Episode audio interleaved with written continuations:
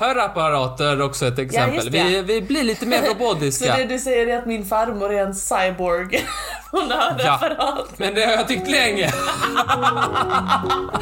Nej, stackars fan. Men hon lyssnar inte på detta. Kan ju inte hon är död.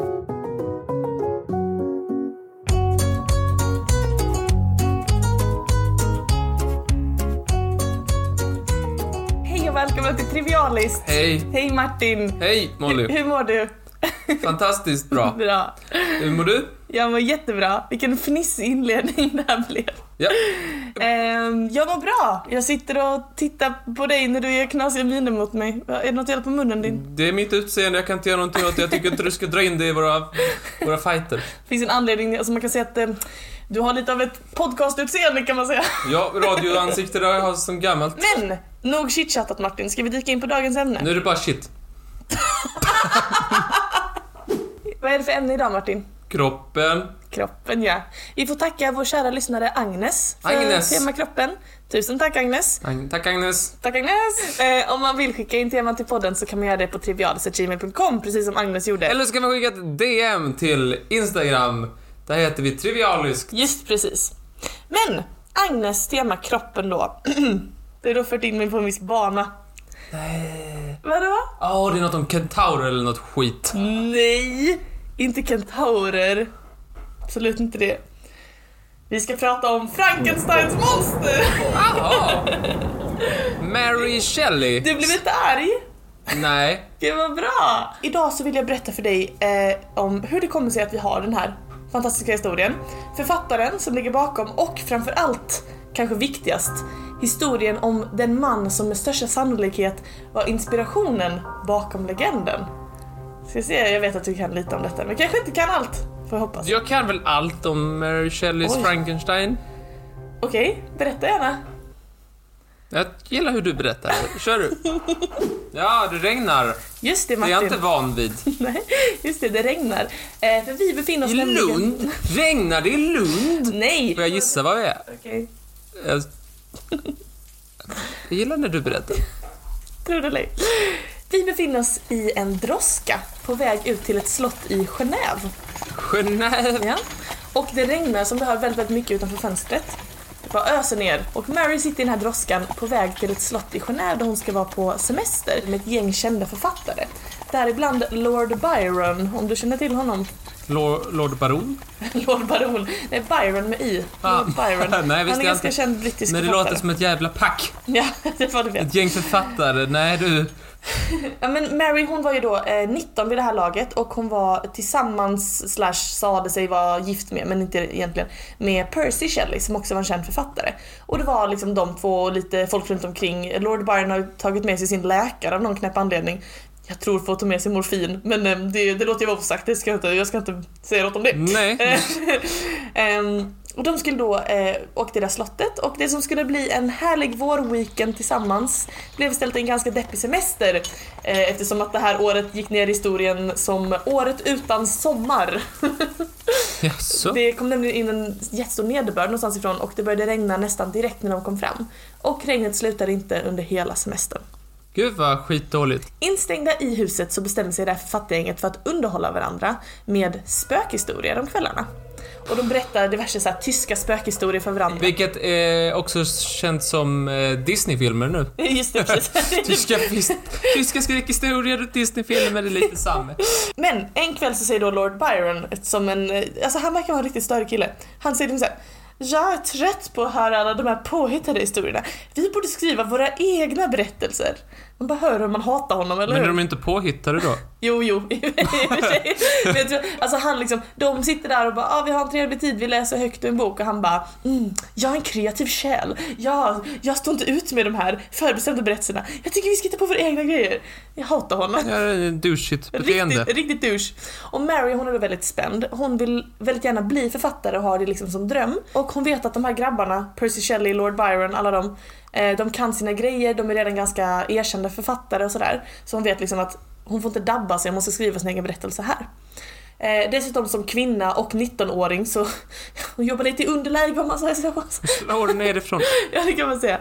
Eh, så hon vill verkligen få till en sån här perfekt historia. Mary, hon funderar i många dagar och varje dag när hon får frågan om hon har någon historia att berätta så säger hon nej jag har inte kommit på någon än. Och hon börjar liksom känna sig ganska stressad och känna att hon måste prestera nu liksom. Um, men storyn den kommer till henne i en dröm och nästa kväll så berättar Mary för det här väldigt ivriga författargänget om Frankensteins monster. Eh, hon berättar alltså den här kvällen om Frankensteins monster och du känner säkert igen historien. Ja. Den handlar om den unge studenten Victor Frankenstein som experimenterar med olika likdelar och för dem till liv med hjälp av elektricitet. Just det, elektricitet som är så... Slut. Monstret vaknar upp och Dr. Frankenstein blir skräckslagen av det som han har skapat och flyr från det här monstret fast det är han som har skapat det. Och sen så går historien typ ut på att så här, monstret blir behandlat väldigt illa av olika folk och så reagerar den då som ett monster för att den blir behandlad som ett monster. Ehm, och, och så, sådär. Det är väl typ så kan man sammanfatta historien. Men jag ska inte spoila slutet men den, det är en väldigt bra bok och Den har väl en, liksom ett budskap av att liksom att inte leka med vad som är liv och sådär. Om man skapar ett liv så måste man ta ansvar Det för det. säga. Typ. Framförallt så är det den boken som eh, den brukar kallas den första science fiction berättelsen någonsin. Mary Shelley berättar den här eh, fantastiska nyskapande berättelsen får man i alla fall kalla det. Och Var historien... inte rädd att någon av de här skulle sno den. Kanske någon som typ skrev om att trilla från ett träd. Ja, typ han som var verkar lite slut på idéer, Lord Byron. Eh, jo, det borde de kanske ha varit. Eh, men istället så hyllas den här historien av semestergänget och de säger du måste skriva ner det här, du måste skriva den här boken. Och det är precis vad hon gör. Hon sätter sig och skriver ner världens allra första science fiction-bok. Och vet du vad den heter, boken? Eh, Frankensteins monster. Nej, den heter Frankenstein.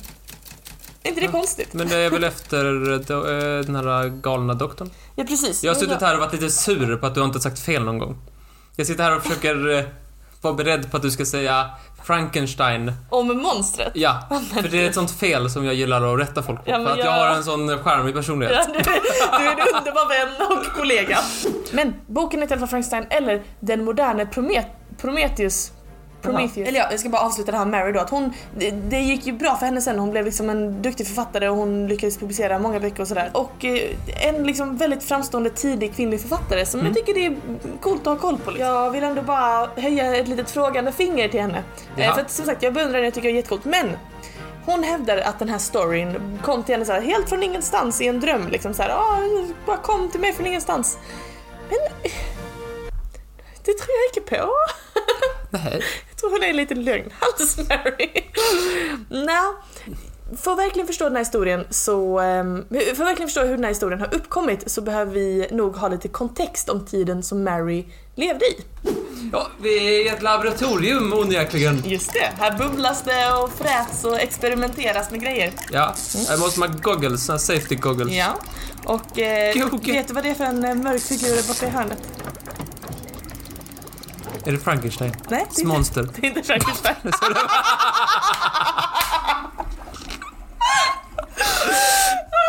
skoj! Det kommer klippas bort.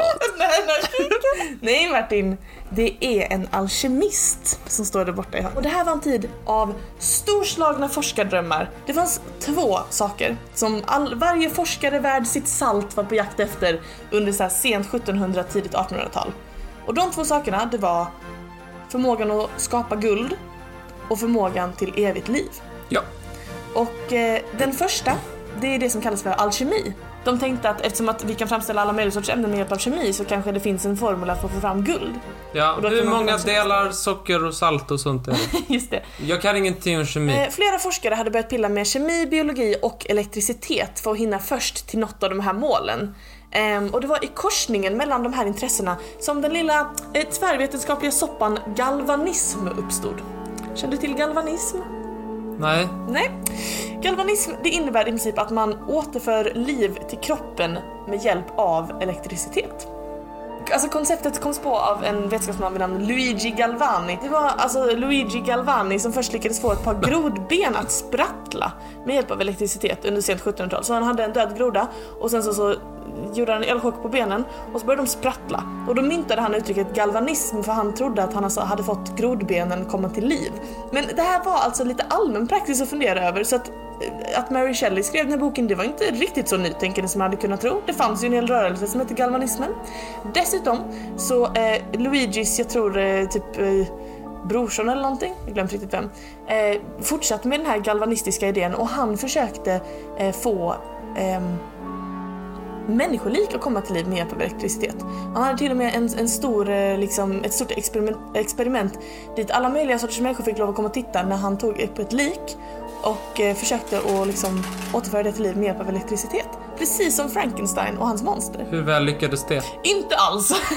Hur kan man inte få ett ben och sprattla lite? Jo, alltså kroppen sprattlade rätt rejält. För att det var ju liksom som sagt nerverna sådär som fortfarande reagerade på elektriciteten. Men det var ingenting som kom till liv eller så. Men en viktig sak att komma ihåg är att en av männen som var och tittade på det här experimentet, det var Mary Shelleys far. Så att när han kom hem så kanske hon kan ha hört något litet när han snackar med någon hus eller någon person där. Då kan man tänka sig att det är så hon har hört talas om, om galvanism. Kanske, kanske läst sig till också. Så kan det vara.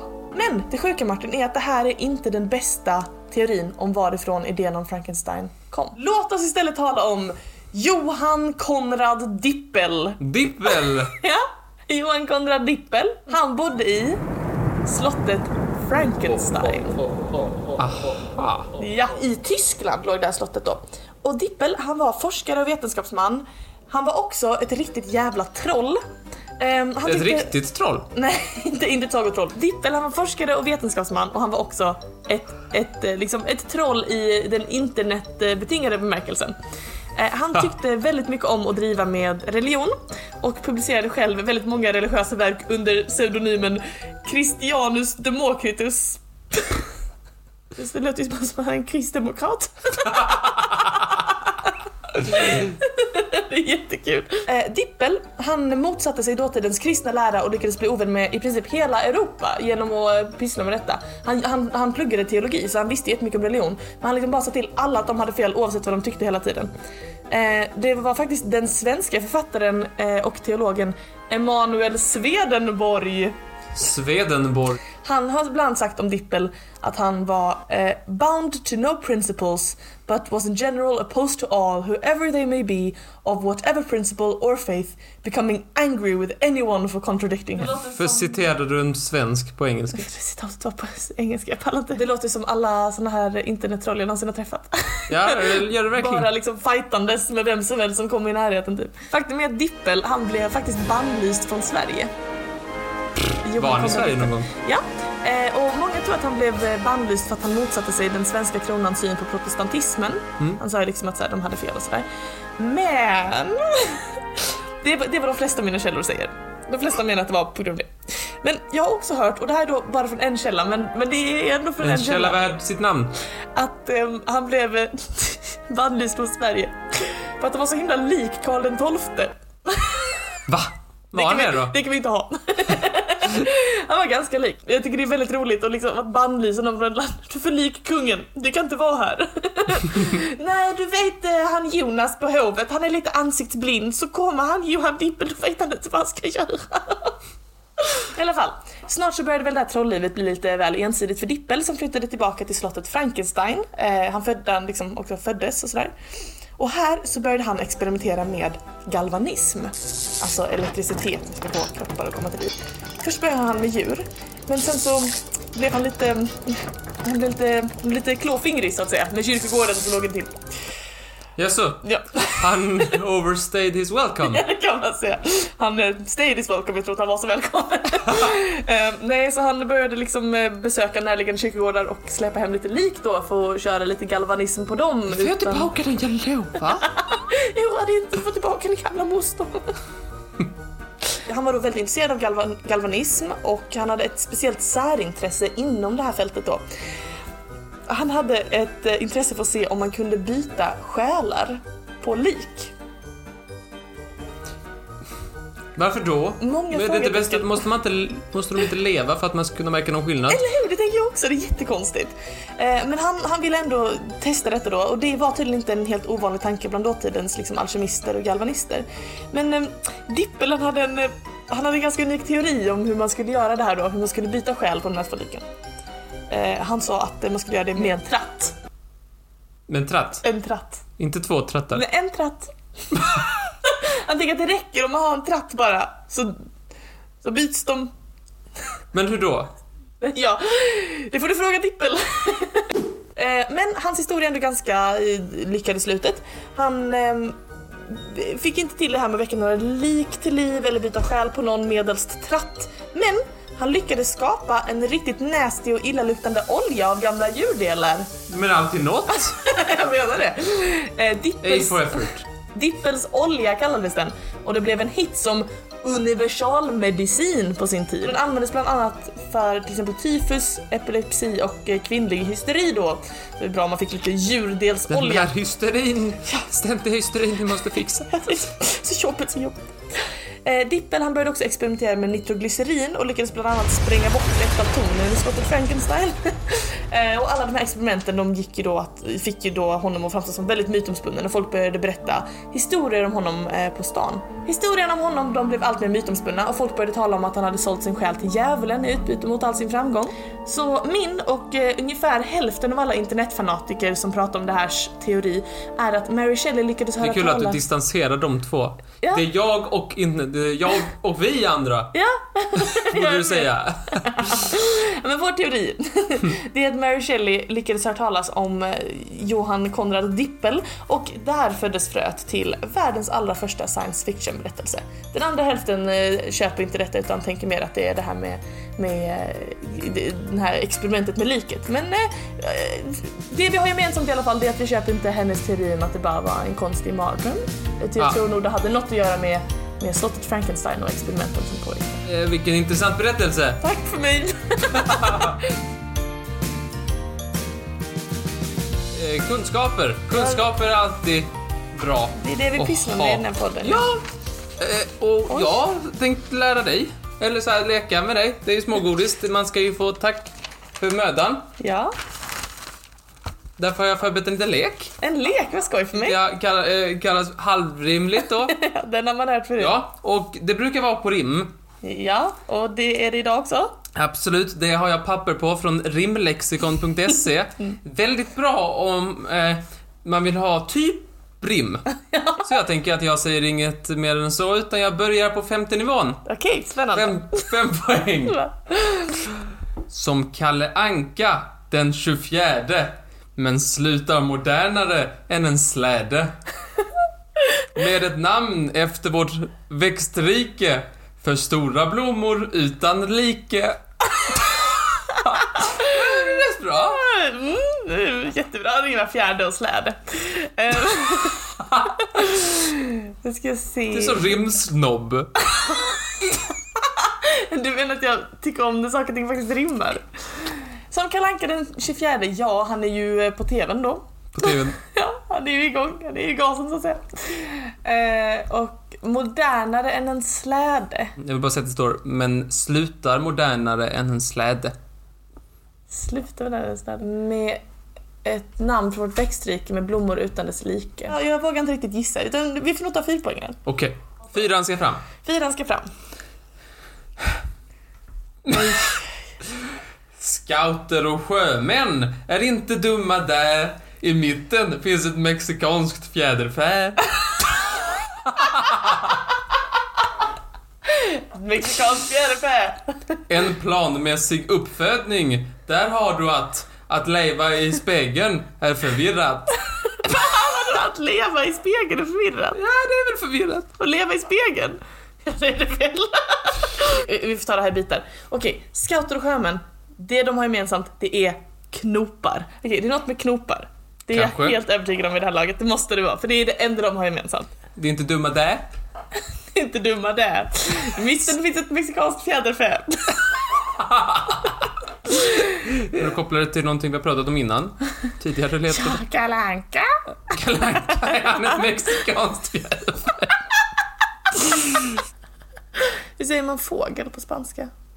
Hej Google! Nej, ingen Joagel. Får jag inte fråga? Jag pratar inte spanska, jag vet inte hur man säger fågel på spanska. En planmässig uppfödning. Där har du att, att leva i spegeln är förvirrat. Vadå, där har du att? En planmässig uppfödning, där har du att? Har du att? Har du att? Behöver du nästa eller? Pig time. Vadå leva i spegeln är förvirrat? Ja, jo. Är det ditt fjärilshem eller ett träblock? Jag menar inget illa. Snälla, inget bråk. Inget bråk. Är det på Vänta, shh, jag får andra delen. Aj, vi har förlorat kontakten. Det kommer svida fram till andakten. Martin, vad är det här? Va? Det Ja, vad menar du? Det makar ingen sens. Det här är det sämsta du har varit någonsin. Det är det rimligaste jag har Det varit. rimligaste. Okej, okay.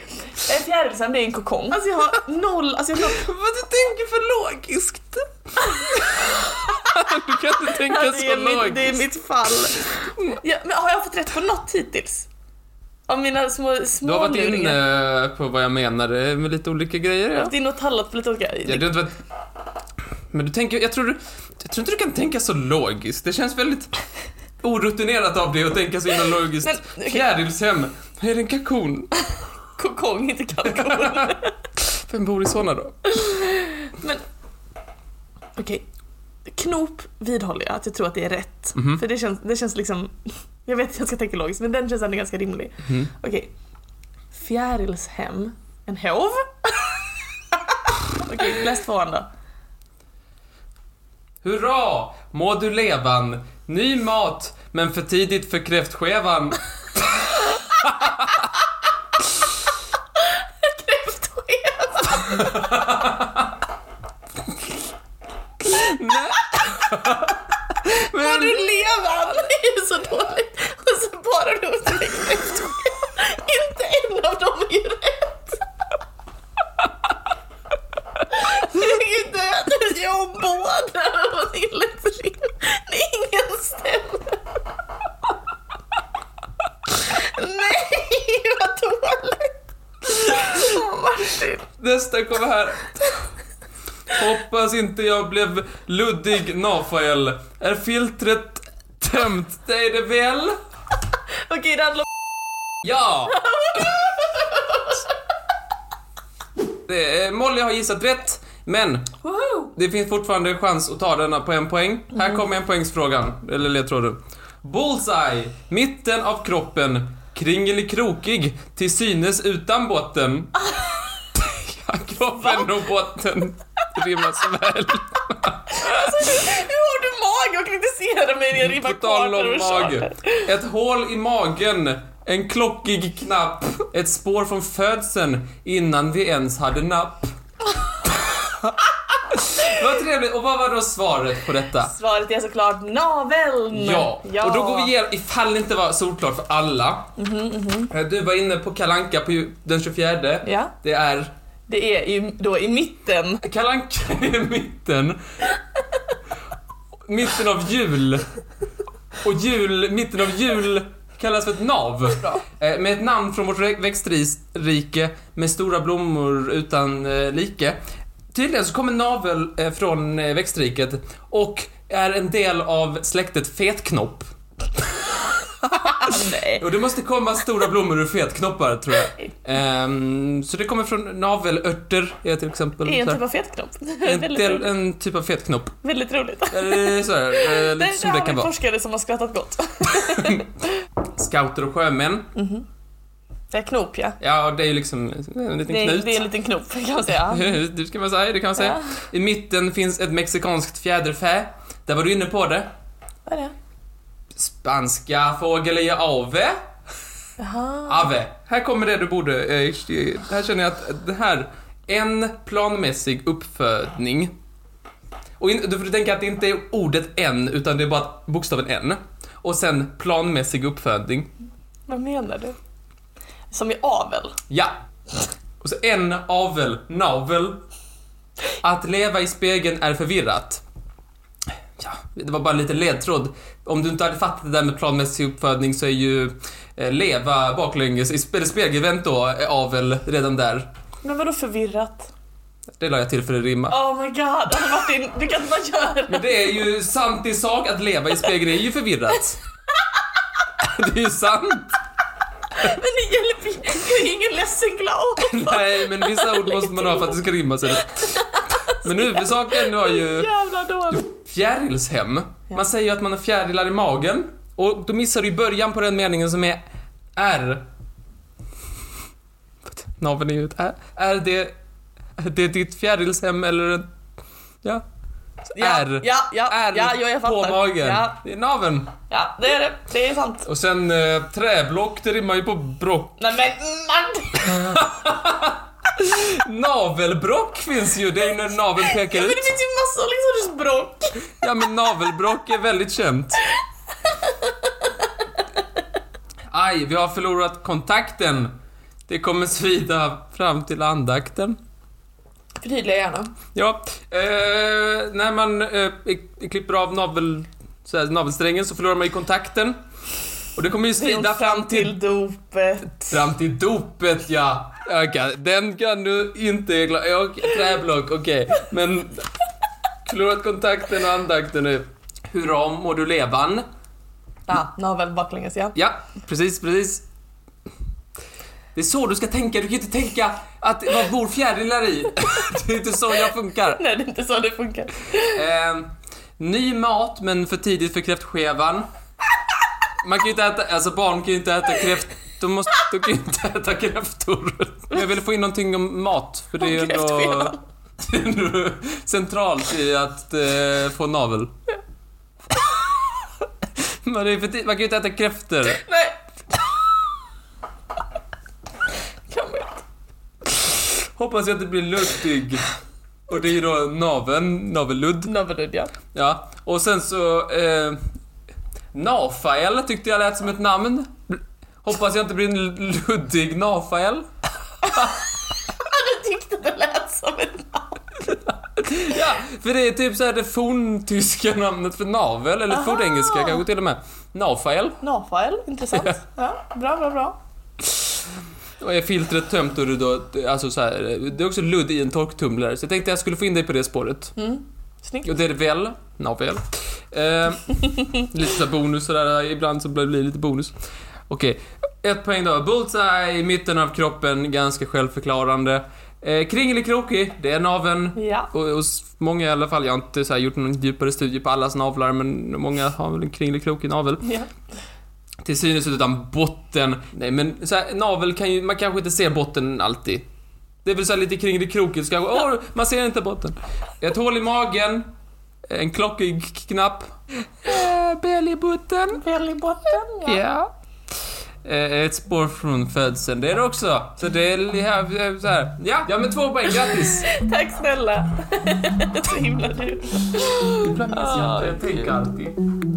Så himla korkad. Alltså skoj.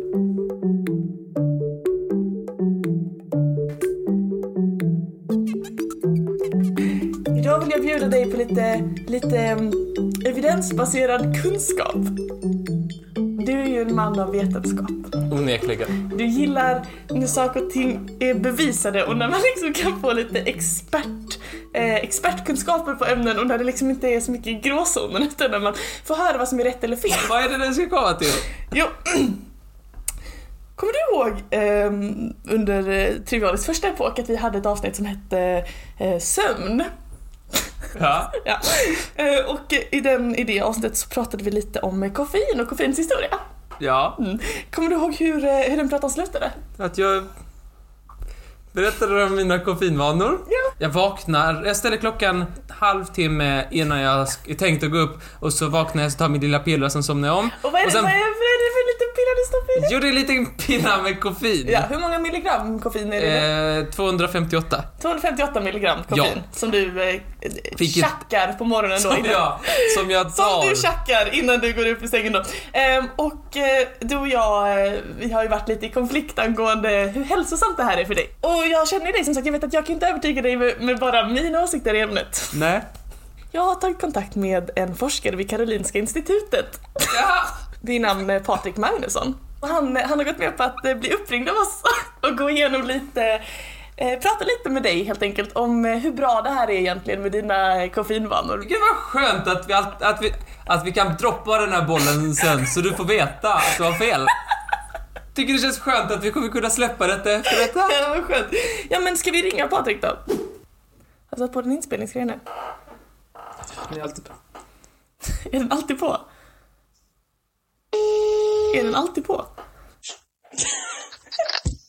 Ja, hallå det är Patrik. Hej Patrik, det här är Molly och Martin från eh, Trivialispodden. Hej! Hejsan hejsan. Du är chef för Svenska tvillingregistret och du är också eh, biologiforskare som doktorerat i medicinsk gen- genetik, stämmer det? Det stämmer. Yes, och så föreläser du på både läkarprogrammet och psykologprogrammet på Karolinska institutet. Det gör jag också. Ja, så himla kul. Välkommen till podden. Välkommen. Tack så mycket. Vi eh, ringer dig för att vi tänkte vi skulle prata lite om eh, kaffe och koffein. Eh, Så tänkte jag skulle börja med att fråga vad, vad är din hållning i ämnet? Vad tycker du om kaffe? Jag tycker om kaffe mycket. Ja, härligt. Det, kan man, det är många som gör och jag är en av dem. Ja, dricker du mycket kaffe Ja. själv? Eh, ja, inte så jättemycket. Jag har faktiskt dragit ner på kaffedrickandet eh, eh, lite successivt över tid. Jaså? Men jag har druckit mycket kaffe och eh, är ju en van kaffedrickare kan man säga. Hur kommer det sig att du har dragit ner på kaffe?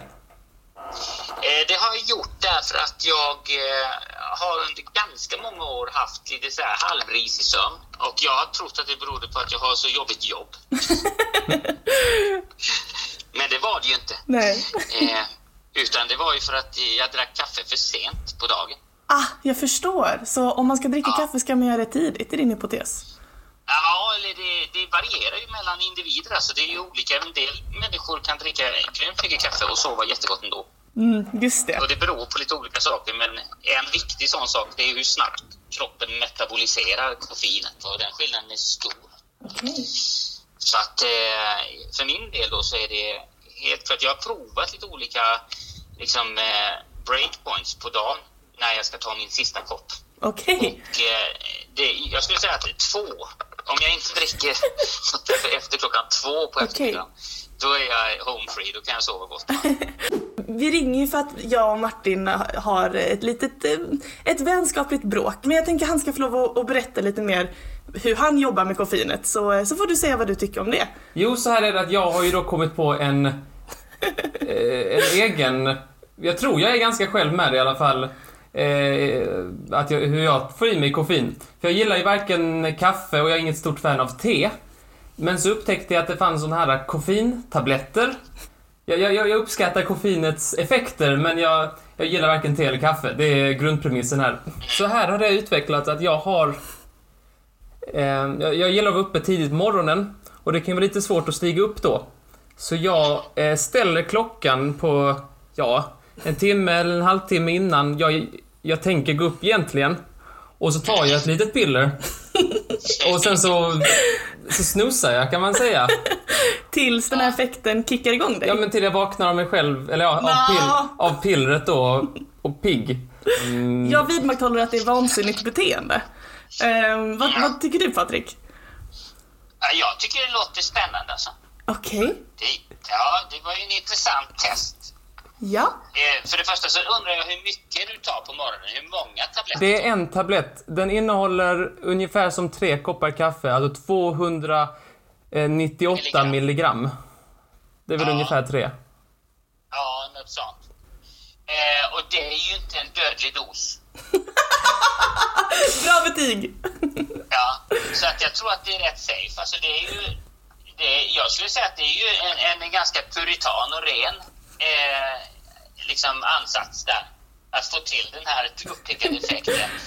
Ja. Precis som du gör. Ja, alltså jag känner ju att, att det, det, jag, blir, jag är väldigt produktiv och jag kan gå upp väldigt tidigt på morgonen och få gjort mycket känner jag. Jag får mycket Ja. mer gjort när jag tar pillren eller när jag inte gjorde det. Eller när jag i perioder där jag inte gör det. Ja, jag tror också placeboeffekten är gigantisk för en sån approach. Ja, det kan... Det, med, i, I och med att du är ensam om den och du har kommit på den själv ja. Ja, så är den ju superb ur ett placeboperspektiv. Ja, det hade behövts lite forskning kanske mer på det. Ja. Men eh, mitt, mitt intryck är eh, positivt. Ja, ja. Eh, Jag tror att det, det, där, är- det där funkar nog bra. Alltså det är ju, eh, du slipper ju också den här lukten av kaffe som många tycker är väldigt god. ja. Hur, ta, fortsätter du under dagen och tar fler piller? Nej, det är aldrig någonsin tagit två. Det här är mitt problem Patrik. Jag, jag, nu har du fått höra Martins perspektiv. Men min fråga är, den här koncentrerade dosen koffein som kommer rätt in i det sovande medvetandet hos eh, min kära vän. Kan inte, det liksom, kan inte den plötsliga obalansen göra någonting med centrala nervsystemet? Eller är det bara jag som har tänkt fel? Nej, jag tror inte Jag tror du tänker att det är det, du vill åt. Så att det, Mm. eh, jag, jag tror, men, men däremot det hade varit en annan sak om man hade tagit sjukt hög dos. Men det här är ju som två koppar kaffe. Det tar ju liksom eh, kreti och pleti varenda morgon. Ja, i och för sig. Ja, okej då. jag kanske inte ska vara riktigt så orolig som jag har varit för dig.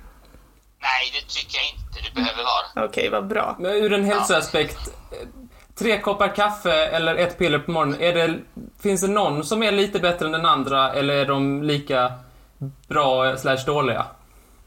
Ja, det är svårt att säga, så jag vet inte riktigt hur...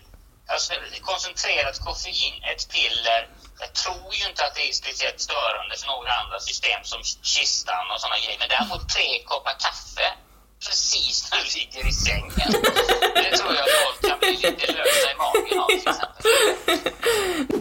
Ja, Jag är väldigt nöjd. ja. Om, om jag ska lita på någon så litar jag på Patrik. Mer än vad jag litar på dig Martin. Okej, men eh, då får vi tacka så jättemycket för din insikt Stort Patrik. tack, stort tack. Ja, Och tack för din medverkan. med. Ja, tack. tack så hemskt mycket. Ta hand om dig. Ja. Hej då! Hej då. Hej hej.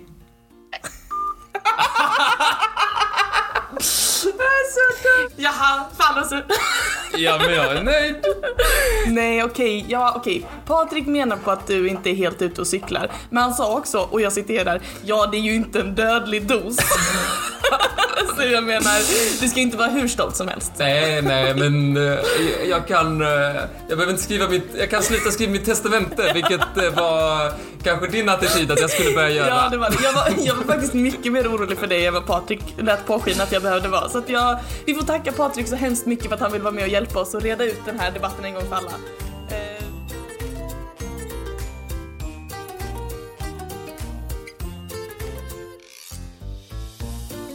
Du pratade dig varm i, eh, i förra podden, tror jag det var, om människan och evolutionen och så här. Hur allting var så jävla bra. Allt var så jävla bra, sa du. Ja. Ögonbrynen och sådär. Så himla bra. Praktiskt, sa du. Men det här eh, med eh, det konstanta förfallet. Åldrandet. Ja, Ja. varför åldras vi och dör? Ja, det är skitintressant. Oh my God, jag älskar det här. Ja. Berätta. Jag tänker inte prata om det, så du kan du sluta Fan, tycka alltså. Människokroppen är värdelös. Ingenting värd. Okej. Vi bara dör och så förruttnar vi. Ja, det är sant. Vi, vi bara blir sämre, vi ser sämre för varje år och vi ser äldre ut och vi blir bara sämre på alla sätt och vis. Okej. Tack. Ja, ja det, gäller ju oss. Nu, nu, nu. Ja, och, och jag fattar inte det. Så här, varför ska det vara så här? Ja, det är skitdåligt. Vi borde kunna liksom så här äh, bli äldre och inte dö. Det hade jag velat. Det hade tyckt var praktiskt. Hade Men- sparat mig så mycket planeringstid. Då kunde jag bara tänka, jag gör det sen. Jag vill leva för Sant. alltid. Okej, jag, har kommit Martin. över det, jag har kommit på detta. Okej, ja, ja. Eh, och då blev jag väldigt glad när jag läste lite och upptäckte att vi eh, och byggs ju upp hela tiden. Ja, Och om och om igen byggs vi upp hela tiden. ja. Eh, till exempel, du och jag, vi har ju poddat i ungefär åtta månader nu. Ja. Vi, vi är inte alls samma människor som vi var när vi började podda. Det är glad att låga kvalitet på de tidiga avsnitten. Jo, eh, ja, nästan inte samma. För att jag läste på lite och, och, och vi, vi byter ju celler hela tiden. Jag vet inte om du kände till detta. Jo, det. Utan vi, liksom så här, våra gamla celler, pish posh, Ja. försvinner. Ja. Och så kommer nya celler, eh, till exempel så här, vissa celler så här, i magen, eh, är rätt snabba. Typ så här. Mellan två till nio dagar är de Oj. där. Sen så skiter de i dem bara, nej nu har jag jobbat klart, dör jag. Vad sjukt. Ja, jag tror det är de som typ ska stoppa gifter och grejer. Ja. Eh, det där ben. Mm.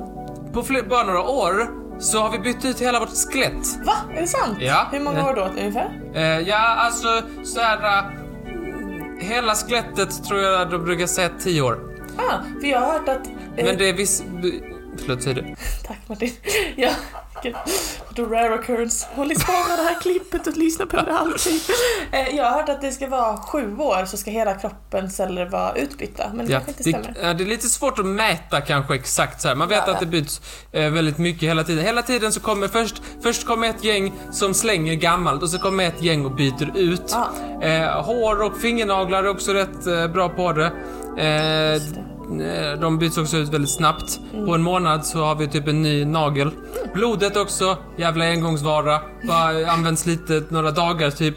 Ja. Och sen så byter vi ut stora delar av det. Du kan få läsa, jag skrev ändå ut två. Ja, jag menar det. Eller en av få grejer som man kan säga är 100% med säkerhet. Mm. Vi är likadana som vi var för åtta månader sedan. Det är ju då fat cells. Nej, ja fast va? Det är det blir inte alls. Jo, åtta år tar det att byta ut fettcellerna. Ja, men vi- så det är väldigt mycket fett av oss kvar så att säga. Ja, jo det är sant. Det är delar av hjärnan och sådär. Det står ju att det är fettcellerna som För åtta år. Och sen så är det alltså äggen eh, som man har hela livet. Och sen så är det lens cells, det som är alltså ögonlinsen. Ja precis. Eh, kärnan i lins, ögonlinsen eh, är samma. samma. och sen byggs den på typ. Så sjukt. Ja, och så här, så här nervceller i hjärnan och sånt. Eh, det är lite så omtvistat hur mycket det byts ut. Folk de bråkar med varandra och jag kände inte att jag hade mandat att och, och säga vem som hade rätt så att Bu säga. bä? Nej. Nej. Men eh, många säger olika, vi vet inte exakt. Men de verkar bytas ut de flesta. Mm. Och sådär. Så tänker man så här, gud vad bra. Här är rotation här liksom, nytt och fräscht, kom in hela tiden och så. Då borde vi ju bli liksom unga hela tiden för att vi får ju nytt hela tiden. Men det visar sig, när jag bara gjorde lite research, Ja. Att de byts inte ut med nya, fräscha, friska delar utan det är begagnat skit som är lika slitet som det de bytte ut. Ah. Vad är grejen här? Någon det, ska, ska det vara så här? Det är som Sverker i plus. Nej, det ska vi inte ha. men då så du menar att det är begagnade bildelar som Nej, men alltså, om vi byter ut en sliten cell, Ja. så byter vi ut den mot en ny, lika sliten cell. Det är jättedumt. Ja, det är skitdåligt. Varför är det så? Jag vet inte, men det förklarar varför, varför vi inte blir... För att eh, på det här pappret verkar det som att vi ska bli odödliga, för vi Ja. bara byter ut cellerna hela Ja, tiden. ja. Men vi byter ut med, med, med lika slitet skit, va? Ja, det är jätte, jättedumt ju. Inköpsmänniskan ska ha sparken här. Det är det jag vill sagt. Ja, jag förstår. Håller Så att vi med. kan inte bli o- odödliga på det här sättet. Nähä. Vi måste gå någon annanstans. Aha. Vilken stans då? Jag måste, och jag känner att om vi ska bli odödliga så måste jag få tillbaka detta Mhm. på en planhalva som jag fattar. Det måste vara min planhalva om vi ska fatta detta. Okej, akademiker eh, Nej, teknik. För att teknik det är det enda man kan lita på. Mycket väl kunna bli odödliga via tekniken. Vi har ju redan börjat med typ så lite så här äh, ingrepp, typ så här pacemaker och såna grejer som i princip är liksom att vi håller på att bli lite robot. Ja. Hörapparater är också ett exempel. det. vi, vi blir lite mer Så robotiska. det du säger är att min farmor är en cyborg? Hon har en Ja. Men det har jag tyckt länge. Nej, stackars farmor. Hon lyssnar inte på detta. Hon kan ju inte, hon är döv. Med bra modern teknik så kom jag på att det enda som finns på människan att behålla, det är ju liksom bara vårt medvetande. Ja. Allt annat är ju skräp, allt annat bara dör och skit så här. Vi behöver bara liksom ta medvetandet och sätta in på en data så är allting klart. Och eh, tänkte du göra det medelst tratt då, eller? Nej, det här har jag tänkt lite annorlunda. Du har spelat Sims va? Jag älskar Sims. Jag vet, det är det enda spelet du har spelat. Det är jätteskoj. data. Ja. Där med lever människor i en, i en digital värld. Ja, en simulation. Precis. Eh, därav namnet. För du har spelat Sims och det har forskarna också. För de har kommit på just detta. Tänk om vi kunde ta Sims-gubbarna och sen så sätta in deras medvetande i dem så kunde typ så här Martin leva i en Sims-värld. Oj, vad sjukt. Ja. Ja. Det är oklart om de spelade Sims när de kom på det. ja. För då kunde vi liksom ladda upp medvetandet på en data. Och detta har bedrivits forskning för att göra detta. Som du säkert känner till. Det gillar du när det hände. Jo. För att all info i hjärnan, nu ska jag lära dig lite om hjärnan. Åh ja, låt Ja. höra Martin. Är det lite lillhjärnan till mig? Nej. Låt höra. Eh, liksom, det är inte så svårt liksom så nej, här. nej. Det är lite mer så här, allting, säger forskarna, kan programmeras i- ner till ettor och nollor så att säga och Mm. kunna sättas in till, eh, liksom så här, eh, till data. Så här. Jag gick inte in för mycket för detaljer för jag tänkte att det är självklart för de flesta. Ja. Problemet är att vi inte kan göra detta på ett så effektivt sätt. Det är väldigt små grejer Ja. och att fota allting i hela hjärnan tar eh, liksom decennier att göra. Vi Ja. måste komma på en väldigt smart sätt att eh, fota och eh, få in datan på en data. Elektroencefalografi. Mm, Prosit. eh, tidigaste prognosen för detta är 2045. Att Fan och fan, då är vi bara 50. ja, 49. Ja, du är 49. Okej, du. Det är viktigt för mig. Jag är 50. Då tänker du så här, ah, men det kan, men skulle det verkligen gå i praktiken? Så här, Mm. Och då säger jag, det har man redan gjort. Har man redan gjort det? Ja, man har gjort det på en mask. På en mask! Ja, Ja. men det är ju precis lika komplex livsform en mask Ja. eh, och en människa. För man har lyckats analysera en, hjärn, en masks hjärna och så har man eh, satt datan från hjärnan och satt den i en liten robot. En maskrobot då? Nej, inte en maskrobot, bara en vanlig robot. Okej. Och så har man och så gett den så här, så här olika så här, nu kan ju inte jag terminologin här men. Man har, man har kodat ner den och satt den i en dator. Man har inte programmerat någonting själv. Mm. Så man har bara en liten robot som, som så rör sig och så här på, Ja. på så här, via liksom eh, maskens hjärnas eh, hjärna substansanalysdata. Den ja. Eh, Hans- som sagt, jag är kanske inte helt säker på terminologin här, men det har gjorts i alla fall. Eh, så det var helt mask, ingen människa. där finns lite videos på YouTube så när, när den går omkring där. Ja, jag tycker, ja, just det, man har också lyckats ta typ en sandkorn av en mus hjärna. Ett sandkorn av en Ja mus. men de hade sån här meter och jag vet inte vad det är Jaha, för en någonting. liten bit av en mus hjärna. Ja, så det är på gång. Men bara att fota hela människans huvud, det tar så jävla lång tid va? Ja. Ja. Eh, men detta är på gång. Och Martin, han tycker detta är skitcoolt. ja. Eh, så, när Martin dör, eventuellt på grund av hans koffeinvanor, kan vi veta, eh, så kan jag leva vidare i någon slags Sims-verklighet. Ja, cool! Ja, det tycker jag är trevligt. Eh, alternativt då, om, vi känner, om man skulle tro att jag är liksom lite mer så social, så kan man sätta in mig i en, i en Martin-robot. Ja, Med Martin-hjärnan, så att säga. okej. Så att då blir ju jag typ här. Då kommer jag ju tillbaka. Är inte det spännande? Så sjukt. Så att, om man, och om man då tänker sig i framtiden också att de liksom kan göra, läskigt, att de kan liksom göra robotar som ser mer ut som människor. Mm. Så kanske man kan liksom få till en robot som är lik dig också med liksom, alltså så här, Med alla mina och- liksom så här synapsar Ja. och alla mina minnen Mm. och allt sådär. Eh, Så är det att Martin där. Shit vad läskigt. Hade du vågat träffa honom? Ja, klart jag hade. Ja. Vadå menar du att det är du? Nej. Jag, jag, är ju, jag är ju inte en robot. Här, Du är kött och blod. absolut. Eh, Det har dock ställts lite eh, filosofiska frågor, frågor kring detta. Ja. några lite problem så här. Jag kan ju nämna några snabbt sådär. Till exempel om presidenten dör i USA. Eh, men han har en sån här digital version av sig själv. Skulle han då få ta över liksom? Det är ju samma. Det är ju samma. Men nej, alltså grejen med, grejen med maskiner, hur komplexa och sofistikerade de är, är att de kan ju liksom malfunction, de kan ju, det kan ju gå snett och framförallt så kan de ju hackas av ryssen. Ryssen hackat Nej men alltså man kan ju hacka en robot, man kan inte hacka en människa. Eller jo, man kan ju hacka den men det är ju en annan på det. Jaha. Många, många frågor kring detta. Men det, det, vi kan bara konstatera att kroppen, den har liksom haft sin eh, tid i rampljuset men det, den är alldeles för kass. Vi måste byta ut den Ah. snabbare än kvickt. Okej, Eh, så vi alla kan få vara med i Sims. ja det låter smart. Det är sjukt att din pratar var lite som min fast på riktigt. Ja. Vilken läskig podd det blev idag. Eller lite såhär science fiction-aktig. Nej, jag tycker det var väldigt uppmuntrande. Ja, Det finns hopp. det finns hopp om framtiden. Jag kan få leva i molnet. Jag kan nå molnen. Det är det som händer när man dör, man kommer till molnet. Skriv, skriv, skriv! In på Flashback! Martin, är podden slut? Nej. Nej. Varje vecka så drar vi ju nästa veckas tema i podden och giffelpåsen är framme och Martin Den är väldigt sönder. Den har förra tema. giffelpåsen hade bättre- mycket bättre kvalitet. Mollys Poppy. Alltså min pappa som skickat in. Ja. Wow vad kul, vad, vad, vad är det för ämne då? SOS. SOS. Eller SOS. Social... Mollys pappa har skickat in eh, socialtjänsten.